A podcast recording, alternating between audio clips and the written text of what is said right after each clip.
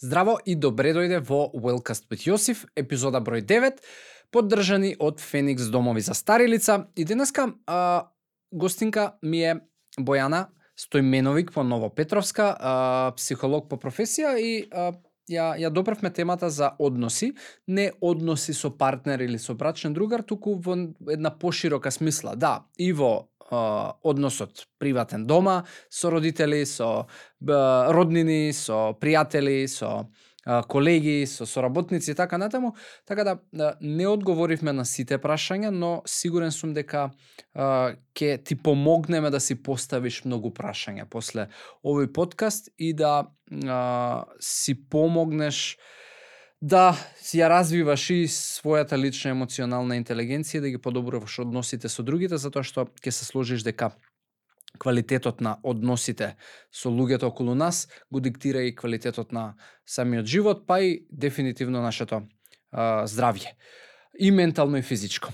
А, Google Podcast, Apple Podcast, YouTube, Spotify се местата на кои што може да го следиш овој подкаст и да а, оставаш коментари, да оставаш прашања и да ни дадеш фидбек. Така да уживај во епизода број 9.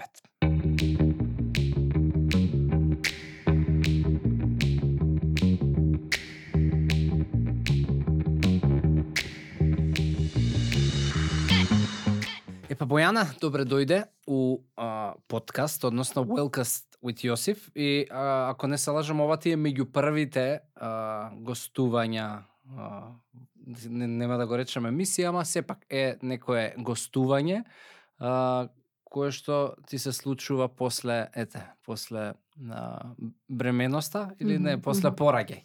Па да, Да, фала, фала на покана. Стварно, дури вчера го имав првиот лайф на, на Инстаграм. Да, после, да, со Нина после, после породилно.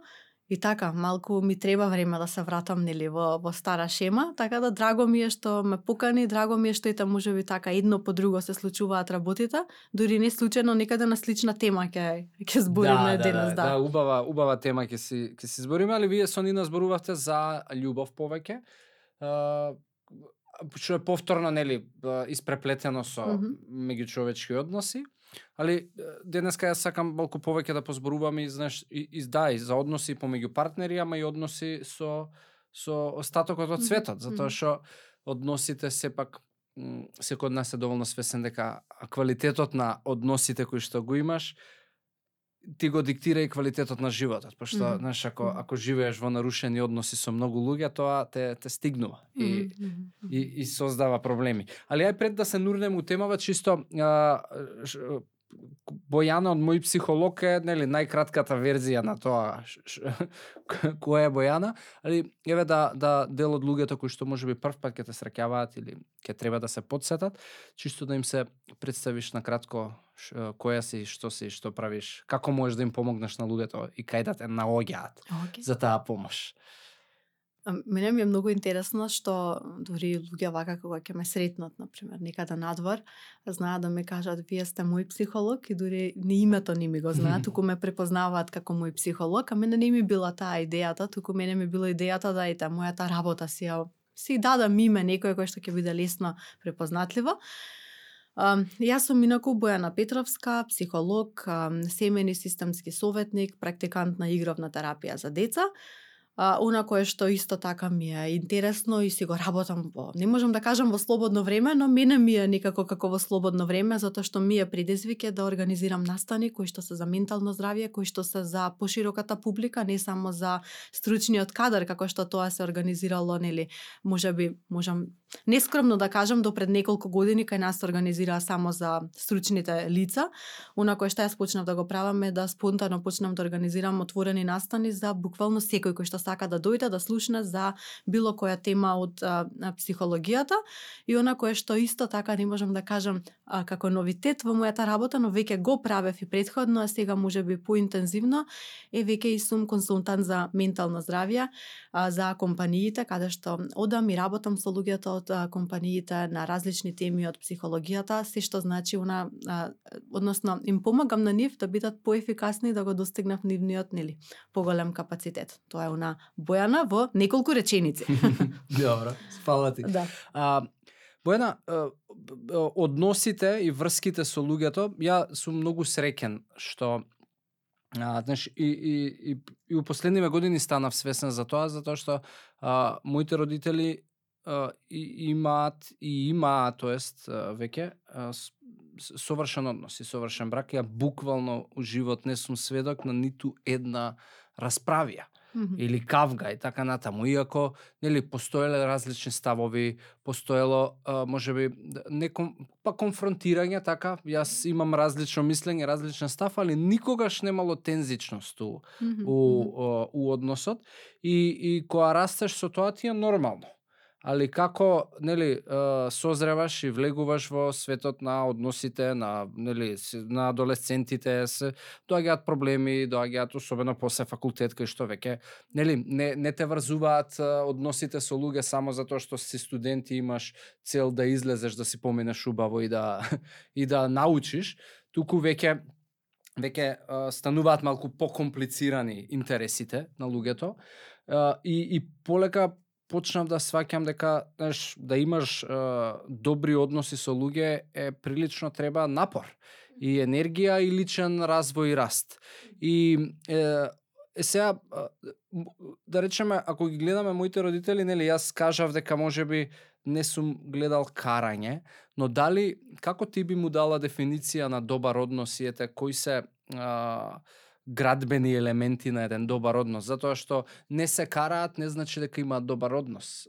Понекогаш, са моите имале фантастичен однос, али сакам да кажам дека тоа што луѓето не се караат не значи дека може би се индиферентни и не ги интересира ништо помеѓу нив и, и чекаат тригер за да се разделат. А од друга страна, па ако се караат, нели има и, и една друга дефиниција, ако се караат, значи им е а, стало еден до друг, што исто не мора да значи. Каде е тука таа средина и, и како ти би дефинирала uh, еве добар однос и и градбени здрави елементи во еден однос. Без разлика дали е брачен, партнерски или е Морам прво да кажам многу теми добре. Да, многу, да, многу, да, многу теми добре и сега ќе се обидам да, да не се да, да не се изгубам вака, ќе почнам од а, од нели некаде според некој почеток. Ајде вака прво. Um, Имав една феноменална менторка која што даде, мислам, кога зборуваше исто нас како едуканти и со незините клиенти, мислам и се уште така да се зборува, употребува многу метафори. И метафора е нешто кое што мислам дека и јас и секој кој што бил кај неа на едукација и секој незин клиент го има запамтено тоа. Дури јас подприфатив од неа да употребувам такви метафори, а една таква незина запамтив и тоа беше баш опис на однос помеѓу двајца. Вика, кога почна а, а, клиентката да го пишува односот со сопругот, тоа беше вика како да едете тулумба. Првиот залак одличен. Вториот залак си викаш ова е најболе нешто. Третиот залак ма ова е многу убаво. Веќе четврти, пети си викаш од премногу убаво веќе ми е ми е стужано. Знаете, од премногу убаво веќе не ми е убаво. А, така да така исто и со на, односите со луѓето околу нас. А, нема нешто кое што е совршено нешто кога ќе го видиме совршено и очекуваме да е совршено, нема такво нешто. Дури конфликт не значи дека односот не е добар или не е условно кажано совршен. Сите ние си потекнуваме, си имаме некоја позадина од каде што ние доаѓаме. Семејството како нели некоја стартна и поидовна точка и нешто од кое што нели ние доаѓаме ние го осознаваме светот и односите нели со луѓето околу нас. Нашите родители, нашите нашите браќа, сестри, нашите баби, дедовци, па подоцна поширокото семејство, па подоцна комшиите можеме да ги ставиме тука, пријателите на нашите родители, односно како растеме, тој круг се зголемува, се зголемува, се зголемува, се зголемува. И така ние, како што го осознаваме светот, така ние ги осознаваме релациите со другите луѓе. И освен што ние учиме како да го градиме тој однос со другите луѓе, ние и пасивно, не мора само активно го наблюдуваме односот помеѓу помеѓу другите. Исто како што ти кажуваш, јас ги гледав моите родители, така ти си ги гледал и твоите баба и дедо, и си можеби си ги гледал комшиите, а, Жане и Стево четврти како тие комуницираат меѓу нив со викање или можеби другите од први спрат како се можеби не знамете секогаш молчеливи тивки, си викаш види ги колку се различни. Односно сите ние пасивно можеби наблюдуваме луѓе луѓе околу нас. И секако, а, ние не по правило кажуваме, аха, јас ета, ваков ќе бидам. Јас кога ќе бидам возрасен, ќе бидам мирен како Жане или Тиво како не знам некој друг или како мајка ми татко ми туку ние некаде може би несвесно, а и свесно одлучуваме каков однос сакаме да градиме со другите луѓе, но и тестираме. Сите ние, ако се навратиме наназад, може да ни текне периоди каде што сме биле може би поимпулсивни или може би сме биле а, полути, можеби поагресивни во односот. Не зборам агресија да ние земеме и се тепаме со другите луѓе, туку нели имаме потреба да докажеме став, да докажеме дека сме во право и така натаму. Пример само кажувам што не мора да значи дека е тоа за сите луѓе, Но генерално ако се навратиме ве макар и пет години наназад, ќе си фатиме за себе некои карактеристики во односот со другите луѓе дека е нешто поразлично тоа што сме сега. Тоа значи дека ние учиме за себе, учиме и за другите луѓе и ние созреваме. И ние сме различен човек од тоа што сме биле пред 5, пред 10 години, пред 15. Но голем дел од тоа како ние учиме да се однесуваме со другите луѓе и како да го градиме односот токму потекнува од нашите родители, од а, луѓето кои што биле најблиски со нас и секако од луѓето кои што понатаму во животот биднуваат блиски со нас а, има една теорија која што се вика теорија на attachment, теорија на поврзување со другите луѓе. Сега не би јас да зборувам за теории и mm -hmm. затоа што ќе заспиеме сите.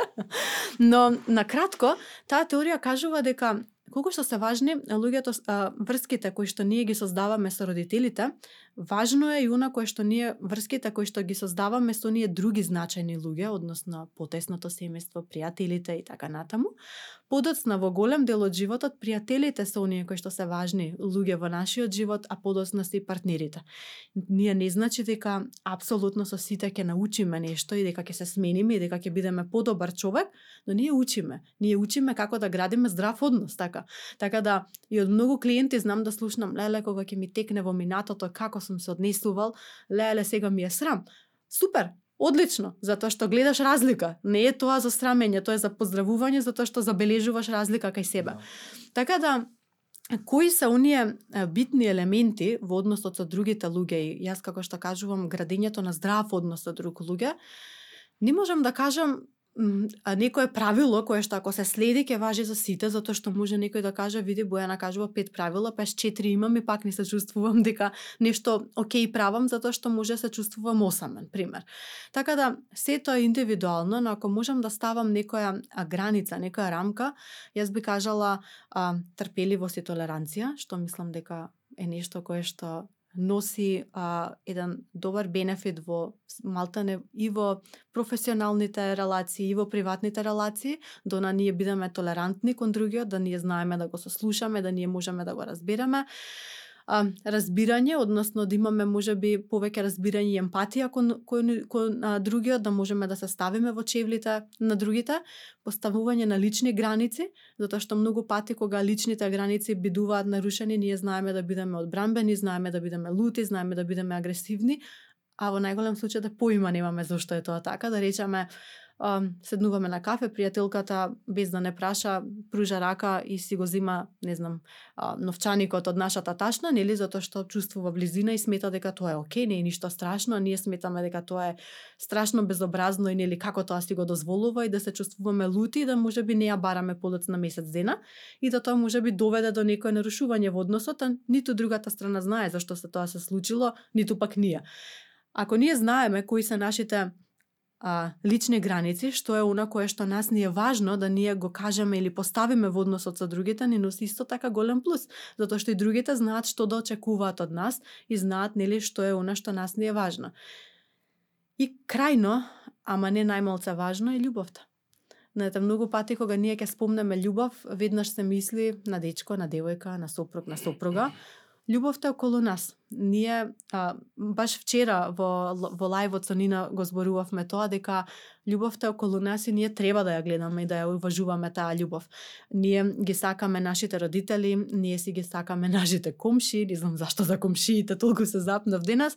Ние си ги да во секојдневие. Да. ние а, ние си ги сакаме нашите соработници, ние си ги сакаме луѓето околу нас, си ги сакаме децата, си ги сакаме нашите миленичиња. Ние нику ние се купуваме, купуваме или вдомуваме, милениче не го правиме тоа затоа што ние одбираме да го да не го сакаме, да го мразиме, да да го игнорираме, не, туку ние одлучуваме да вдомиме затоа што го сакаме, така планираме да се грижиме за него, да му дадеме грижа, внимание.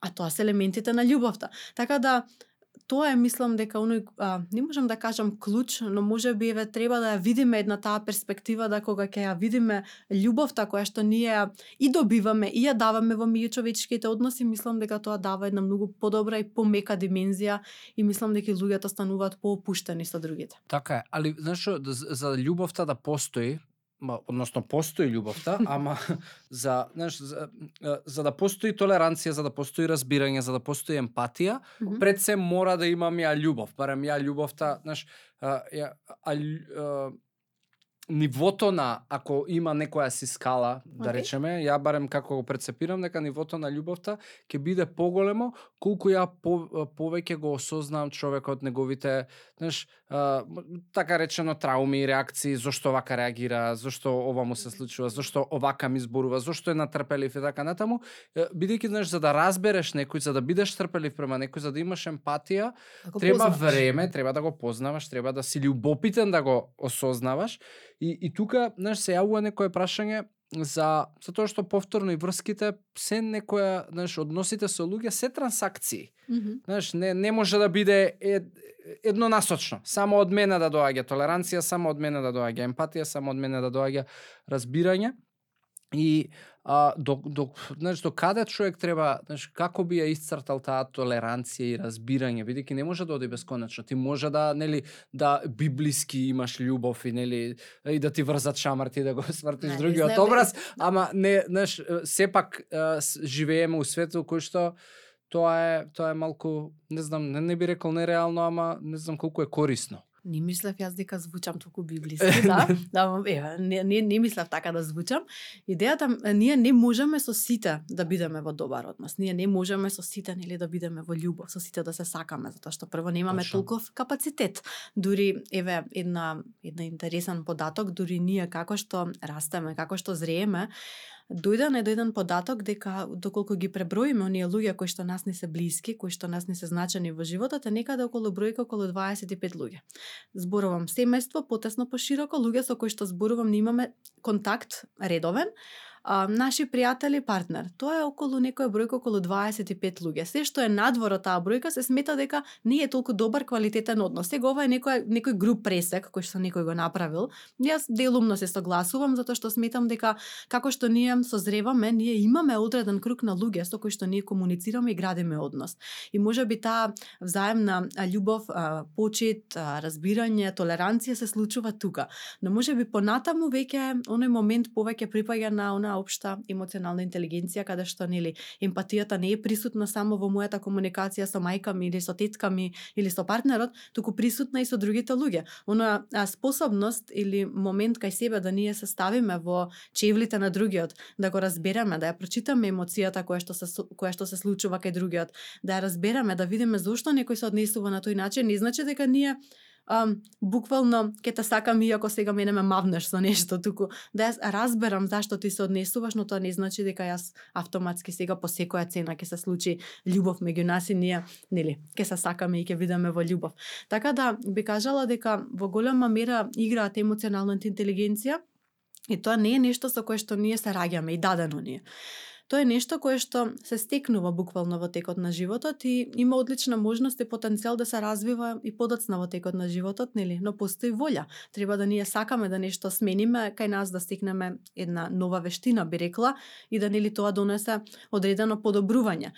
А, пак ќе ги споменам, односите, раните интеракции со нашите родители се исто така една многу богата и многу битна подлога за тоа како ние ги перцепираме а, сите овие моменти. Да речеме, доколку ние сме гледале една комуникација дома која што е нема, да речеме, не гледаме изражу, изразување на емоции, односно имаме лимитирани емоции кои што отворено се изразуваат, да речеме, а, мамо, денеска добив петка, одлично нема јеј, нема браво, нема чекај да те честитам, дојди да прославиме, нема нема возбуда, пример, или а, имаме дете кое што вика мама мене денеска ични ми е добро, си искарав со сите другари и ја имаш мајката вика а, денеска да направам а, а, граф за ручек или да сакаш да порачаме пица, односно апсолутно игнорира тоа што некој е тажен.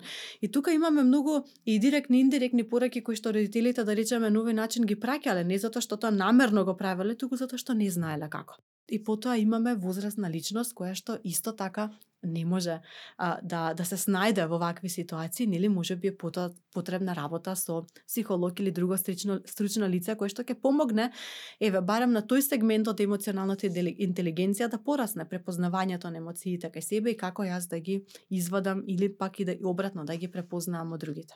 По една емоционална интелигенција да е вештина што е, генерално с до негде може би ќе се стекне, до негде може би не до негде, у најголем дел треба да се да се учи.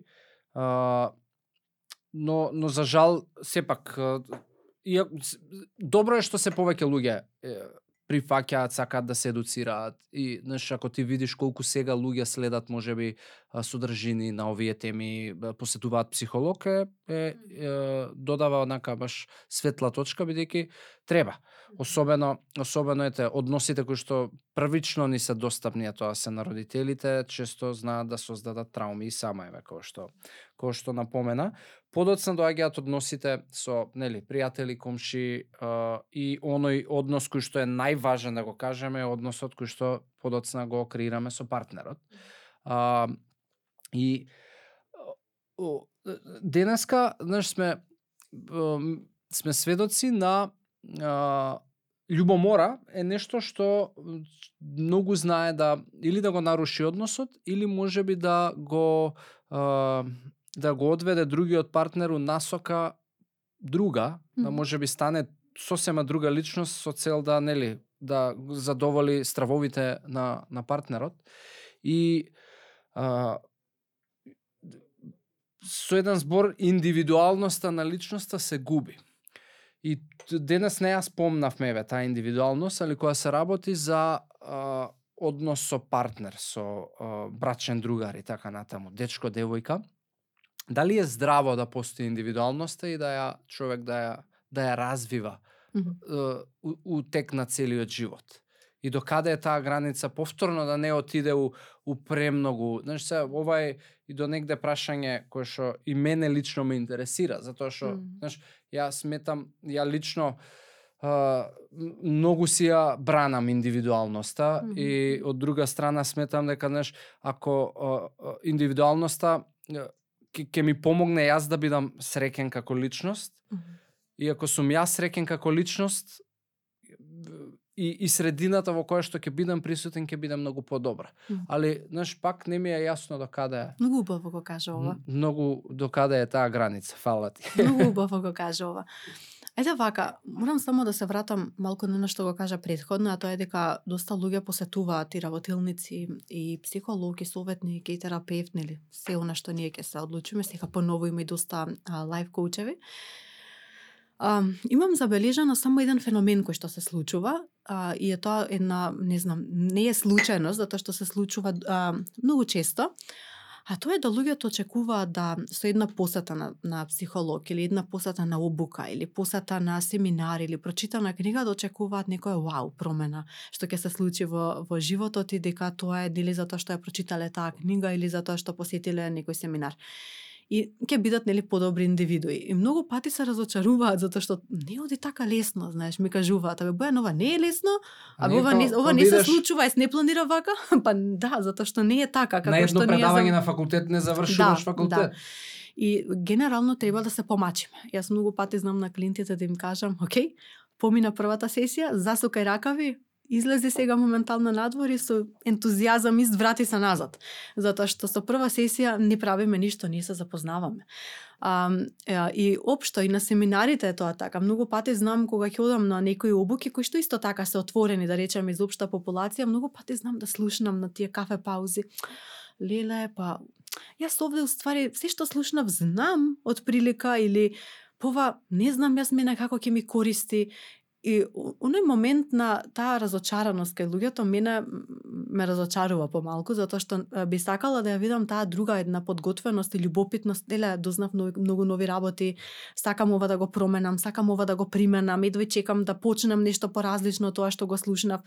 Мене многу повеќе ми се допаѓа кога го слушам тој ентузијазам и таа љубопитност кај луѓето да нешто пробат ново, да нешто направат поразлично тоа кое што го правеле вчера, затоа што тоа ја прави таа разлика и во нашите животи и во нашите меѓучовечки односи. Или како што кажува Тони Робинс, не знам дали го го го знаеш, Го. да. Мене ми е многу интересен како лик тој човек, многу интересен, многу харизматичен и а, ми е интересно како на толку едноставен начин знае многу комплексни работи да им пренесе на луѓето. Тој кажува а, многу е досадно да станеш од сабајля, да миеш заби, да се облечеш, да запалиш кола, да отидеш на работа, да доручкуваш, да работиш цел ден, да се вратиш дома. Многу е досадно. Вика нема забава во сето тоа. И тоа се многу мали навики кои што нас ни го прават нашиот живот. И сега ви кајде да видиме тие навики што прават. Ако ти станеш и секое утро одлучуваш да јадеш нешто што е junk food, да речеме, нешто што е лош избор на храна или понашки секој ден или секој утро јадеш бурек, да речеме, што окей е според мене да го изядеш еднаш во не знам колку време. Ама ако секој ден одбираш да јадеш бурек, ако секој ден одбираш да седиш и да не се движиш и да си пасивен, најверојатно таа твоја навика во иднина нема да ти донесе добар бенефит, односно ќе направи да може би имаш гојазност, да имаш здравствени проблеми и така натаму. И обратно, ако јас одлучам да да да речеме да не инвестирам во себе, да кога добивам фидбек од другите луѓе дека може би нешто правам не погрешно, туку може би треба да променам нешто, да речеме добиваме фидбек, многу си импулсивен во последно време или бе многу се лутиш во последно време, човек не може ништо да ти каже. И ако ние тие фидбеци не ги а, сметаме еве може би за сериозно затоа што ги слушаме X временски период и не сакаме да промениме нешто, може би на крај таа навика да ние не бидеме отворени за конструктивен или критицизам може да направи да не имаме полимитиран круг на луѓе да со тек на време се чувствуваме осамени. Или ако имаме навика да сакаме да бидеме сами, сами да вежбаме, сами да јадеме, сами да пиеме кафе, прашање е време кога ние ќе станеме еден ден и сватиме дека ние сме сами и дека ние веќе не сме сами, туку сме осамени. Така да тие мали навики, тие мали сегменти од животот практично влијаат и на се она што се вика наша општа добросостојба која што нели тука спаѓаат и другите луѓе. И во односите со другите луѓе, а, не се случуваат само убави работи. Знаете, кога а, луѓе доаѓаат да работат на себе и на односот со другите луѓе, ние не зборуваме само за убави работи. Фала Богу, ние сме луѓе и ние носиме многу неубави работи во нас. Мислам, многу е лошо да ова вака се каже, ама да, Па да, види, ние за... сме нема потреба човек да ги етикетира убави или неубави, ама на крај на денот не, знаеш, носиме имат има проблеми као веќе као адолесцент ти секој ден решаваш проблеми дали на работа, дали у здравје, дали у односи и, и тука не е ништо страшно као Јас кажувам, кажувам пример кога ние одиме на аеродром и гледаме луѓе со куфери, така. Да. Ние поима немаме што некој носи во тој куфер, може да само што тргнал на пат и има све здиплено, се перено, се испрано, Да. испеглано. Може некој се враќа и има се испомешано. Не се знае што е чисто, што е прљаво, дали е може нешто негово или туѓо, нешто ново купено, хаос.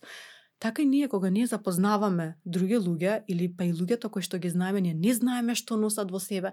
Може би имаат да, се подредено, се име селектирано, односно се е окей моментално, може имаат луѓе кои што надворешно изгледаат окей, но може би внатре нивниот куфер е во цел хаос, така. Ние не можеме да го знаеме тоа. Така да а, а, пак ќе кажам затоа Од таму, ќе се вратам на почетокот, е потребна големо разбирање и голема толеранција. Ако некој може би може би денес е нервозен спрема нас, некој наш колега да речеме, не мора да значи дека тоа е кон нас лично упатено. Некогаш може би се случува нешто во позадина кое што влијае на неговата комуникација денес и со мене и со може би другите колеги. Така да а, тоа е оно кое што сакав да го напоменам и мислам дека нешто праша пак индивидуалноста. Индивидуалноста, да. Апсолутно е важна и апсолутно ја ценам. А, и ако треба да одговорам еве на кратки прашања, што многу многу на Инстаграм ги добивам, а знаеш кога ќе оставам простор за прашање, многу добивам такви прашања кои што позадината е токму ова, инди, нашата индивидуалност. Дали е окей да одам сам на кафе? Да. Дали е во ред да имам посебно друштво другарки кои што не се дружат со моја дечко? Да. Дали е во ред да одам сам на одмор без девојка ми со моите другари? Да. Дали е во ред да а, да еве а, сакам да имам различно хоби, да не го правам тоа заедно со, не знам, сопругот, сопругата, жена ми, девојката. Да, апсолутно. Дали е во ред да, а, не знам, сакам да поминам време сам со себе во текот на денот и да не морам да изгледам филм, да речеме, со партнерот. Да. Се е тоа окей. Се е тоа во ред. И се е тоа во ред додека и онаа друга страна има разбирање за другата страна. А, еве пример, а, памтам а, се консултираа со мене еден а, еден пар пред повеќе години А, проблемот беше затоа што партнерот многу често се затварал и поминувал време во веца и тоа било прашање на нели не знам конфликти постојано зошто тоа го прави? Вика на вистина не знам дали а, чита весник дали може би а, гледа некои други содржини на интернет дали може би не со некого се пишува. А, да скратам на крај искочи дека овој човек само сака време за него. И заклучен во веце, со слушалки на уши и слуша музика е време за него, кој што него му треба 40 на минути, половина час во текот на денот. А, другата страна вика, па јас не го разбирам тоа, зашто да седи сам кога може со мене да се слуша музика.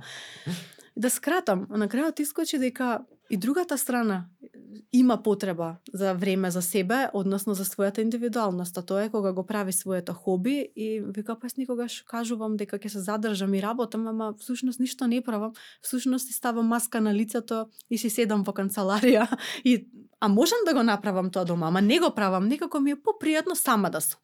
Односно, сега се надавам не открив премногу и не, откри, не открив детали, но беше многу интересен пример кој што прв ми доаѓа, а тоа е дека без разлика ние може да имаме и најголема љубов на свет, но не имаме потреба и да си бидеме ние самите, односно да имаме време поминато со ние самите јас. И убаво кажати, а, ако јас не сум среќен сам со себе и не ја а, градам и не, а, не, не се грижам за таа моја индивидуалност, тогаш јас не можам да бидам добар човек и за другите. И сега може би не е добар пример, но Вил Смит има кажа на многу интересна работа, тоа е дека а, не е работа а, на жена ми мина да ме направи среќен. Туку е тоа моја работа. Јас да се направам сам себе, себе среќен, затоа што јас кога сум среќен ги правам и другите другите луѓе околу мене среќни, жената, децата и тогаш среќата е уште поголема. Исто така и обратно. Така да а, кога ние знаеме што нас направи среќни, кога ние ги правиме работите што нас направат среќни, тогаш сме ние среќни и за другите луѓе. И тогаш среќата е само може би поголема, односно енергијата е може би подруга и поубава. Така да, апсолутно а, а, а, гаењето на индивидуалност е нешто кое што секогаш а, си го чувам исто. И ја за себе, мене ми е омилен дел може би во текот на денот да ја справам нешто за себе и да не мора тоа биде да биде нешто постојано со а сопругот, но исто така е нешто кое што кога работам со парови е нешто кое што го потикнувам доколку гледам дека го нема. А кога го нема, многу пати знае да направи проблем, затоа што а, прашање е време кога едната страна ќе посака да направи нешто само за себе без да биде присутна другата. И доколку тие постојано биле како две лица на една паричка, нема да биде јасно на другата страна зашто одеднаш сега има потреба. Сигурно има нешто во позадина, сигурно нешто се крие, сигурно нешто, не знам, постои може би друга личност и така натаму, а на крајот од денот најчесто и не постои, туку е само потреба да јас бидам сам со себе или сама со себе. Така да а, тоа е она кое што сакав да го кажам, вака се надевам, да. не многу обширно. И, и шо, да, и, и, и мислам и, и вакво ми е драго што што барам правилен став сум имал према тоа. Затоа што сум сум сигурен, знаеш, сум имал а, периоди и врски низ животот кај што нели сум ја губел индивидуалност и знам како сум се чувствувал и, и дека тоа на крај лошо влијало на на, на целиот однос. Знаеш кој е проблемот најчас кој што се случува кога имаме барем еден партнер кој што има изгубено таа своја индивидуалност или како што знаа да кажат изгубив самиот себе или самата себе. Mm. А тој кога ние се приклопуваме со друштвото на едниот партнер, со конекциите, со хобито, со местата каде што се излегува и така натаму, и кога таа врска ќе заврши евентуално, да речеме, не сите завршуваат, но еве кога ќе заврши, многу пати знаат да кажат клиентите, јас сватив дека немам никој, односно сега не комуницирам со друштвото до сега што сум се дружал до вчера затоа што сето тоа се негови луѓе или неизини луѓе. Јас веќе не одам на местата каде што сме оделе затоа што знам дека таму ќе го сретнам или ќе ја сретнам па не сум пожален или пожална. и така натаму и така натаму или хобито сваќам дека не било мое хоби, не ми исполнувало или работам работа само затоа што сум ја работала затоа што не знам, може би некој друг тоа го работел и гледам дека многу има има тешко нови индивидуи да се пронајдат повторно себе си затоа што веќе се изгубиле X години наназад преточувајќи се во партнерот и преклопувајќи се. Mm, супер. А, е, емоциите се составен дел од односиве. Така, ко, ко, ако некој избувнува е емоција, ако некој нели а, има како да кажам, а, било каква реакција поврзана со со одредена емоција. И затоа спомна емоционалната интелигенција. Али, знаеш, ние сме а, барем ајде, можеби денешните генерации веќе денешните генерации. А, луѓето кои што се родени од 2000-та навака, можеби а, сепак из, избегнале воспитување во тој еден постар систем, а, социјализам, но ние како како Веш да се чувствува многу старо. А, да, извини.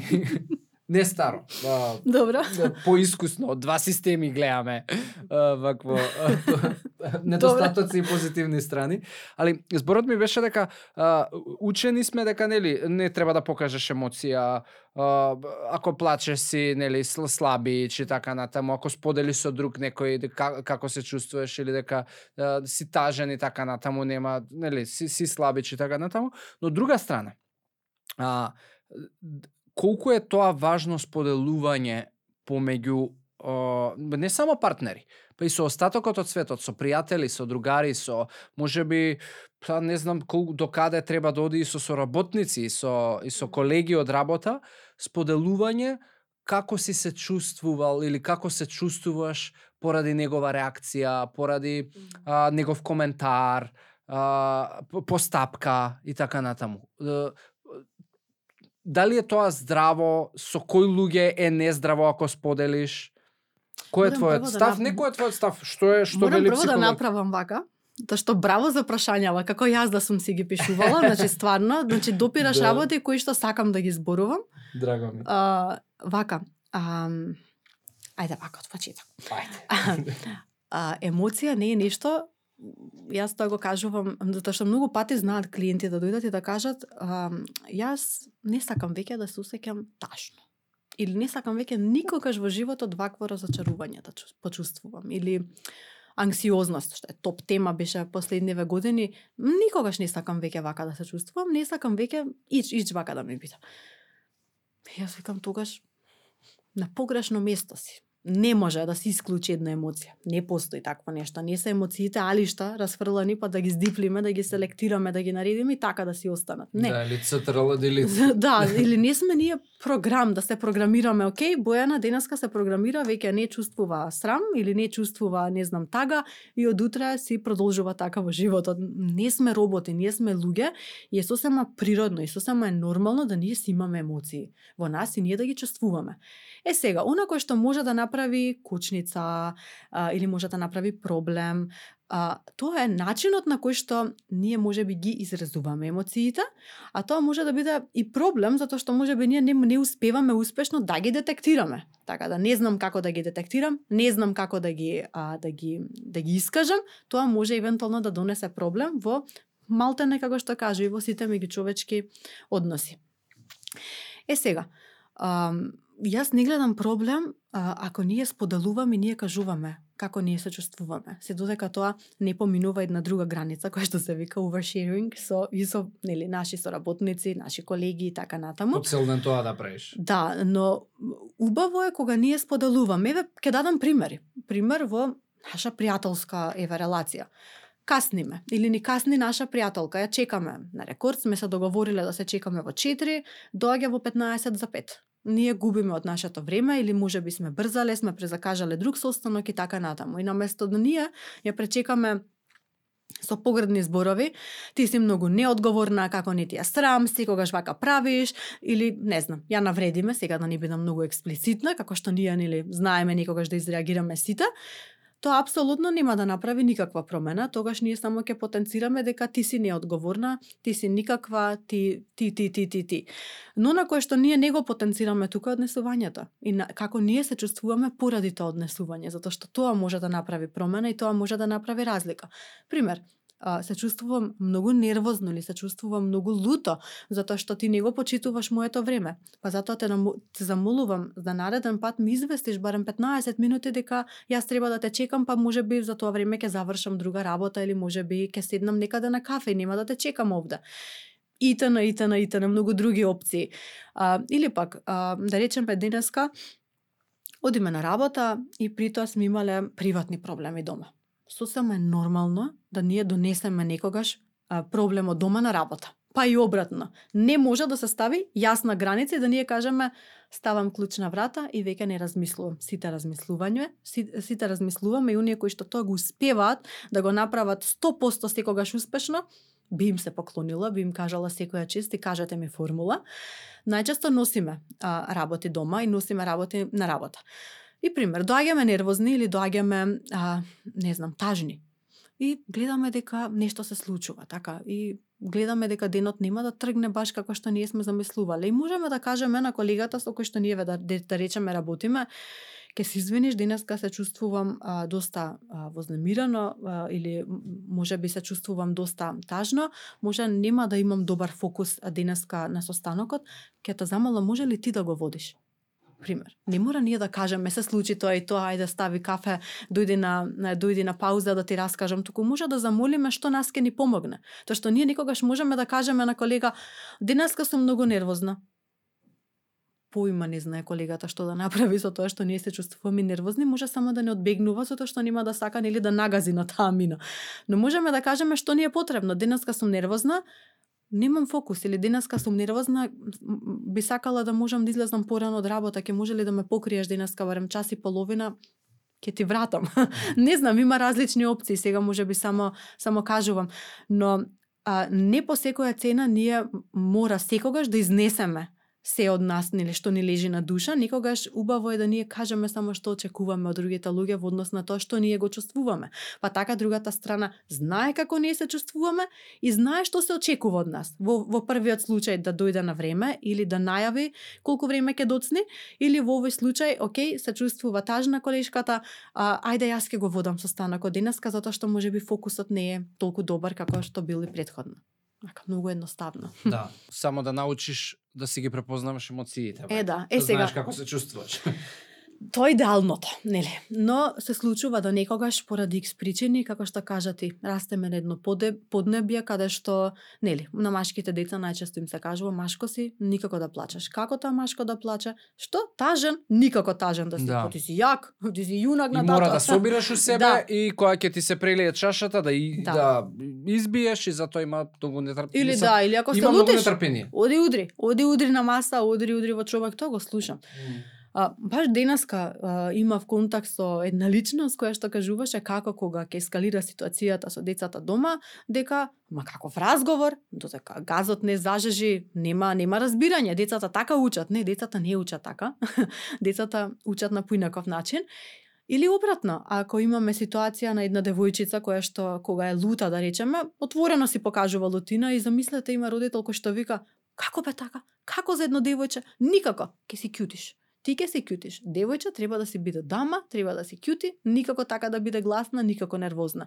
И тогаш во првава ситуација најчесто имаме маж кој што не знае што да прави со тага, да речеме, а, кога треба да ја да, ја- да ја искаже, па многу пати знае тоа да биде приказна, поврзана подоцна во животот со панични напади, со анксиозност или а, со а, вознемиреност која која што не знае како да ја реши, затоа што не знае да препознае емоција, па да може би се сврти кон злоупотреба на некоја субстанца, а од друга страна, ова се може би многу црни сценарија, но се реални и имаме од друга страна девојчица која што завршува со може би некоја убава приказна со психосоматика затоа што таа лутина мора некаде да отиде. и потоа се чудиме како на 20 години таман запиша, заврши факултет, еве пример, сега тропам, а, чирија фати. Од каде толку нервоза младо девојче? Од каде? така да не е се толку црно и бело во психологијата и не е се толку црно и бело во нашите животи. Има многу димензии, многу фактори кои кои влијаат на тоа како ние се однесуваме денес и што ние правиме. А Бојана, кога ќе се набилда тензија помеѓу две страни, независно, пак партнери така натаму, и се пошто еве зборуваме и за за емоции. А, Знаеш, некојаш не си толку разумен и рационален да речеш окей, чекај да ти кажам како се чувствувам. И, знаеш, некојаш едноставно е, е, е посилно од било кој разум, али а, а, што е правиот потек кога е набилдана тензија во, во одреден однос? Ајде вака. Па ќе кажам, некој да дојде да ми каже, јас секогаш во секоја конфликтна ситуација сум смирен, успевам да размислам, упатам јасна порака.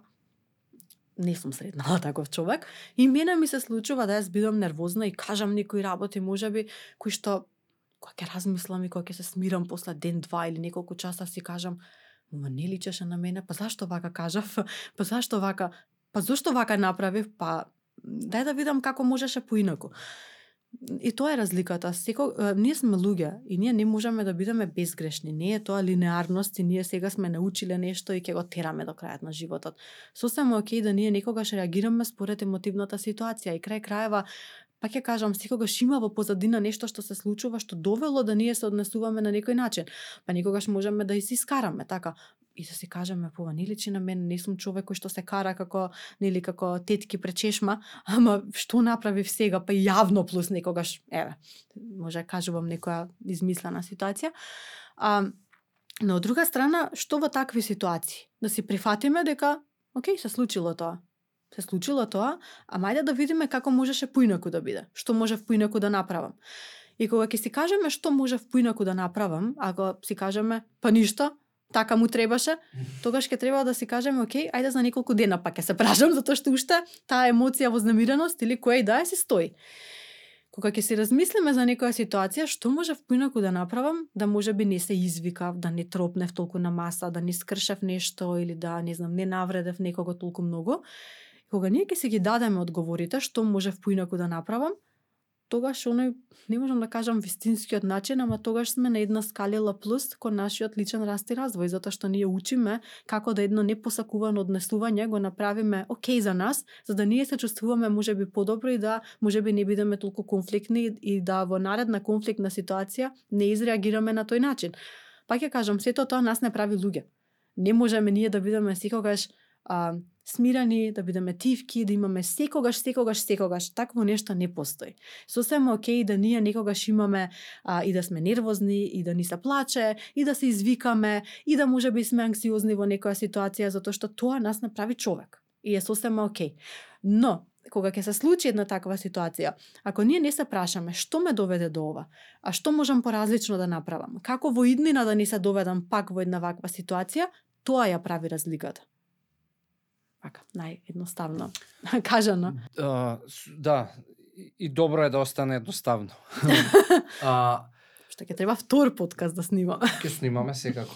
А, Бојана, да, токсична атмосфера е докажано дека, нели, што кажа, е, може подоцна да доведе и до нарушување на, на здравје кое што ќе се афектира во различни форми и да стане хронично нарушување на здравје. А од друга страна, знаеш, можеби може би живење во во токсична атмосфера можеби помеѓу родители, ж- живење во токсична атмосфера на работа или во во а, брачен однос или партнерство и така натаму, а, може понекогаш да создаде кај луѓе а, од која ќе прекинат таков однос да имаат етикета на тоа дека нема сите се, не знам, сите мажи се исти, сите жени се исти, сите а, а, овакви луѓе што имаат оваа титула или професија се исти и да да те оттргне од можеби да пробуваш да создадеш нов однос со со нели со маж, со жена или да бидеш предпазлив и да влезеш во игра, нели да да да едноставно да не се препуштиш во во одреден однос и а, дали дали изолирањето од од такви ситуации навидум нели да се заштитам себе си може да да те однесе подоцна у, во животот во во осаменост. Да. Ова кој што ти го опиша, има еден термин во психологијата кој што се вика искривување на наедноста еден многу мразам кога треба да употребувам термини, а ајде да кажеме дека а, сето тоа кое што ти го опиша се вика а, искривување на реалноста и кога ние генерализираме, кога ги ставаме сите во исти кош. А, и тоа се случува, и кај сите се случува. Сите сме биле во некоја ситуација да кажеме сите се. Сите се исти, сите се лоши, сите се добри, дури позитивно, нели, кога ќе ни каже некој, не знам, еве пример, а, Мексико, Е, сите мексиканци се многу весели луѓе. Да. Како да не, можеме да одиме во Мексико, да стапнеме и да најдеме веднаш пет нервозни дента мексиканци да бидеме ау што бидна. Или можеме да кажеме нели сите не знам сега може би, кажувам и предрасуди стереотипи кои што кои што постат, ама сето тоа нас не става во исти кош до некаде. Сите си имаме некои размислувања каде што правиме нешто. Но а, а ког, како што ти кажа кога нештото почнува да прави пречка и тоа постои а, долг период во нашиот живот. Да речеме сите жени се исти. Може да постојат многу причини зашто некој го има тој став, тоа размислување, сите жени се исти. Тоа може да доведе до многу ситуации, може да доведе да до осамување, може да доведе до ситуација да а, до промискуитетно однесување, затоа што не сакам да се врзам, но сепак сакам да бидам а, може би интимен, може би присутен, а, и може да донесе до едно друго однесување каде што ова личност ке влегува од една во друга релација кратка, бурна ќе трае и секој пат ке си то кажува дека сите се исти може да доведе до ситуација да ги одбегнува жените, може да доведе во ситуација да работи во женска средина, во женско обкружување, затоа што ќе го има женското присуство, женското внимание, но секој ден ќе си докажува дека сите жени се исти и нема да влегува во релација, или пак може би ќе влезе во партнерска релација и секој ден ќе биде може би насилен или сомничав со жените во зависност од тоа нели како во која смисла се сите жени исти. исти. Да. И секако тоа ќе донесе некаков проблем. И кога ќе донесе некаков проблем, ќе го донесе кај нас. така да, секогаш кога ние одиме во таа насока, сите нешто прават или сите се исти или се нешто е, најчесто прави некаков проблем или некое закачување и тоа порано или подоцна знае да ја донесе индивидуата во некоја во некој контекст или директен да речеме ќе ќе дојде и ќе закаже сесија или некогаш од работа знае да да да го пратат или да ја пратат таа индивидуа а, затоа што можеби во средината се случува нешто во работната атмосфера или пак можеби таа индивидуа спонтано одлучува да појде на некој семинар затоа што ете темата случајно ќе ја заинтересира, а односно ќе сака да види што е она што може да го промени кај себе. Да. Така да. А пошто спомнавме начнав за осаменост контекст на ова прашање и у пандемијава мислам дека а, доста доста исплива на површина, односно многу луѓе а, ја осетија таа осаменост. Mm -hmm што поради нели локдауни, што поради тоа што знаеш некако еве ја ја тоа што го забележав кај себе, знаеш кога кога престануваш некако да еве нај најпросто да да две години немаш излезено во во град, као после две години ако сакаш нов обид да направиш за да излезеш во град, ти е и чекај сега, па кај да идам, па знаеш, имаш многу прашања и едва и чекаш да најдеш одговор зошто вечерва не е баш вечерта за која што треба да излезеш и да заглавиш. У диско, на пример. Али од друга страна многу луѓе заглавија со тоа дека или не ги продолжија односите со со можеби пријатели затоа што знаеш се изолираа, се правеа онлайн и остануваа дома сами. А, и осаменоста дефинитивно најверојатно ќе води и до депресија. Mm што е веќе пострашно и и тука знаеш прашањето ми е во, ајде од една страна помладите луѓе имаат опција да се вратат во игра нели? Да се вратат во во во релации со пријатели, со другари, да обноват врски, кои веќе постојат и тие луѓе се живи. Но што се случува кај повозрасни лица, кои што а, знаеш, а, не, не дај Боже, нели партнер е починал, а, пријатели, другари кои болен, кој починал, кои, знаеш, а, остануваат осамени. Како како еве а, они можеби да си помогнат да не завлезат у потешки форми на на депресија? Допираш една тема која што е многу голема и не е толку едноставна. Знам. А, ајде вака, а, пандемијата не не направи осамени. Туку пандемијата може би само а, се случи и ни отвори очи дека може би не градиме квалитетни врски со другите луѓе околу нас. А сето она кое што сето она кое што ние го градиме или како што знаеш една клиентка да каже сето она кое што јас сум го градела виртуелно сватив дека не е реално и дека јас сум сепак дома и јас сум сама и јас сум во град каде што немам никого и јас сум многу осамена во моментов и сум сама уплашена и анксиозна. А, така да и тоа не е секогаш правило. Од друга страна имаме многу луѓе кои што се обкружени постојано со многу луѓе, но се чувствуваат сами, односно немаат квалитетни врски изградено со другите луѓе, осаменоста иако и повторно е присутна. А, не секогаш осаменоста може да доведе до а, депресија, но е убав пат и убав знак кој што може да доведе до депресија, до анксиозност, до панични напади и малта не ова беа теми, топ 4 теми со кои што најмногу работев пред да заминам на породилно и за време на пандемијата.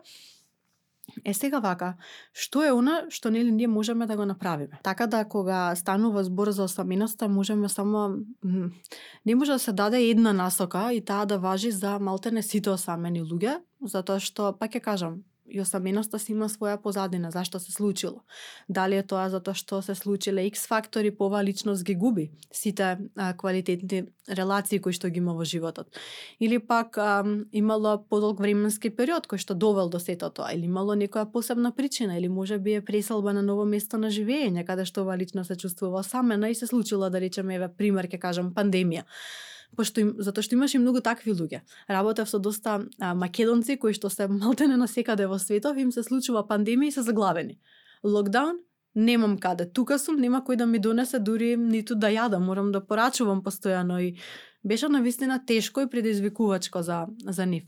Од друга страна имаме луѓе кои што сплет околности доведуваат, може би е еве ниска емоционална интелигенција, а, во текот на животот не изградиле квалитетни релации со луѓето и може би луѓето да се присутни, ама јас не ја чувствувам таа вистинска конекција и дека можам нели народски кажано да се отворам со некого и да се чувствувам близок и тоа доведува да ја се чувствувам осамен затоа што не можам да зборувам за теми кои што мене ме интересираат.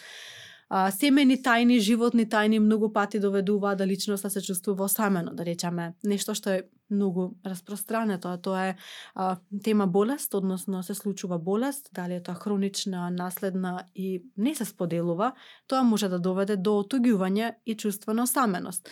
А, сексуална ориентација исто така може да доведе до една ситуација да една личност се чувствува осаменост, иако има, да речеме, а, многу пријатели и семејство, но доколку оваа личност не чувствува слобода дека може да сподели, а, и дека нема да најде на разбирање и поддршка, може да направи да оваа личност нема со кого да разговара и нема како да споделува и се чувствува осамено, затоа што не дека нема со кого да разговара и да се гледа, туку нема со кого да разговара за она кое што на него му е важно.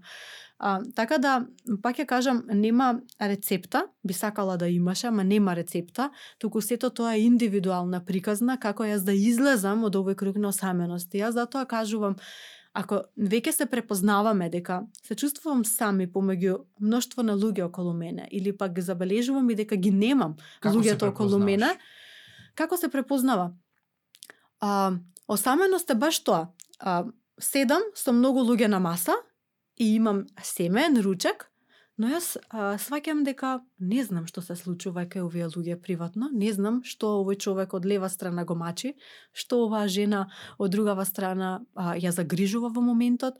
А, слушам дека може би не знам мојата баба после дознавам после 6 месеци дека еве правела операција и затоа не се јавила три месеци.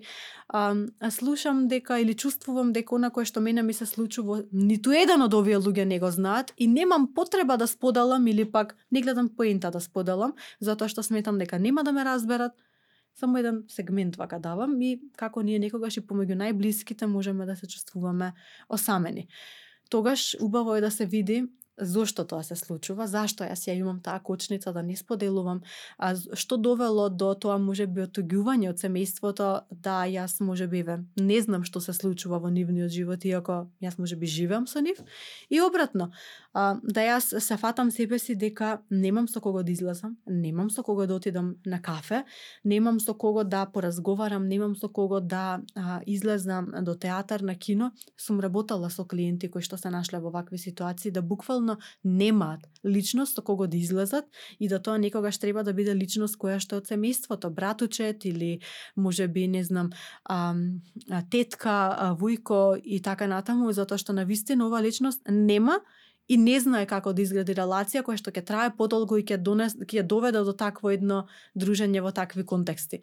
Во такви ситуации се препорачува и работа со стручно лице затоа што некогаш е потребно да се види која е позадината. Нема златно правило како нели. Сега не сакам да звучам лошо, но не е ова здраво теја модерна имам проблем, кажете ми како да го решам mm. и еве ви пет чекори како да го решите.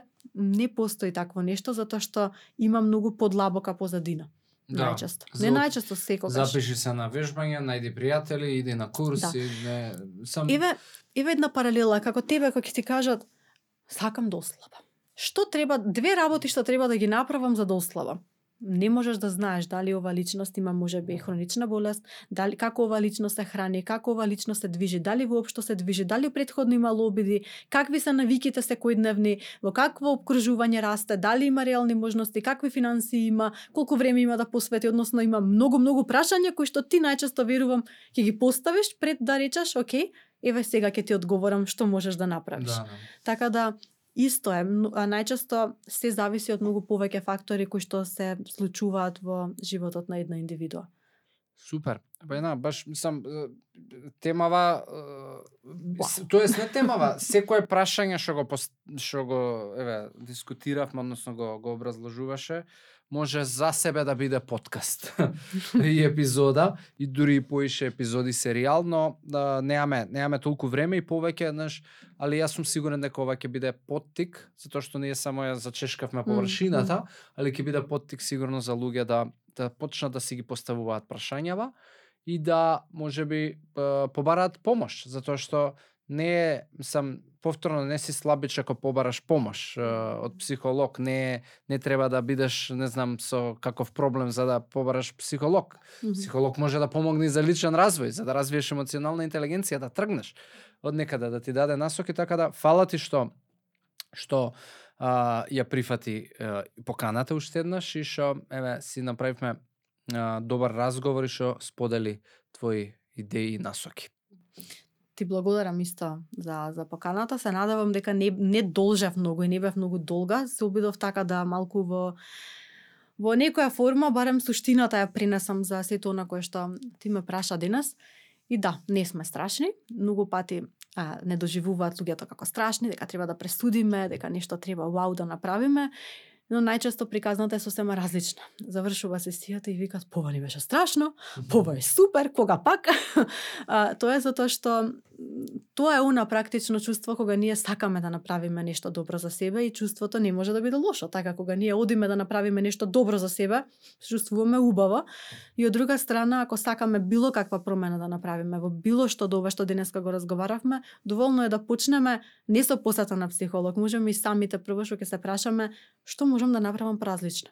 Што направив предходно, што можам да направам поразлично. Таа разлика, што е поразличното, ќе направи разликата а, утре, задутре, наредниот ден, за 10 дена, за неколку недели ќе направи разлика, најверојатно во некој сегмент од нашиот живот и тука е практично оној стартната точка како ние да се подобриме себе си, а со тоа и односите со другите луѓе околу нас.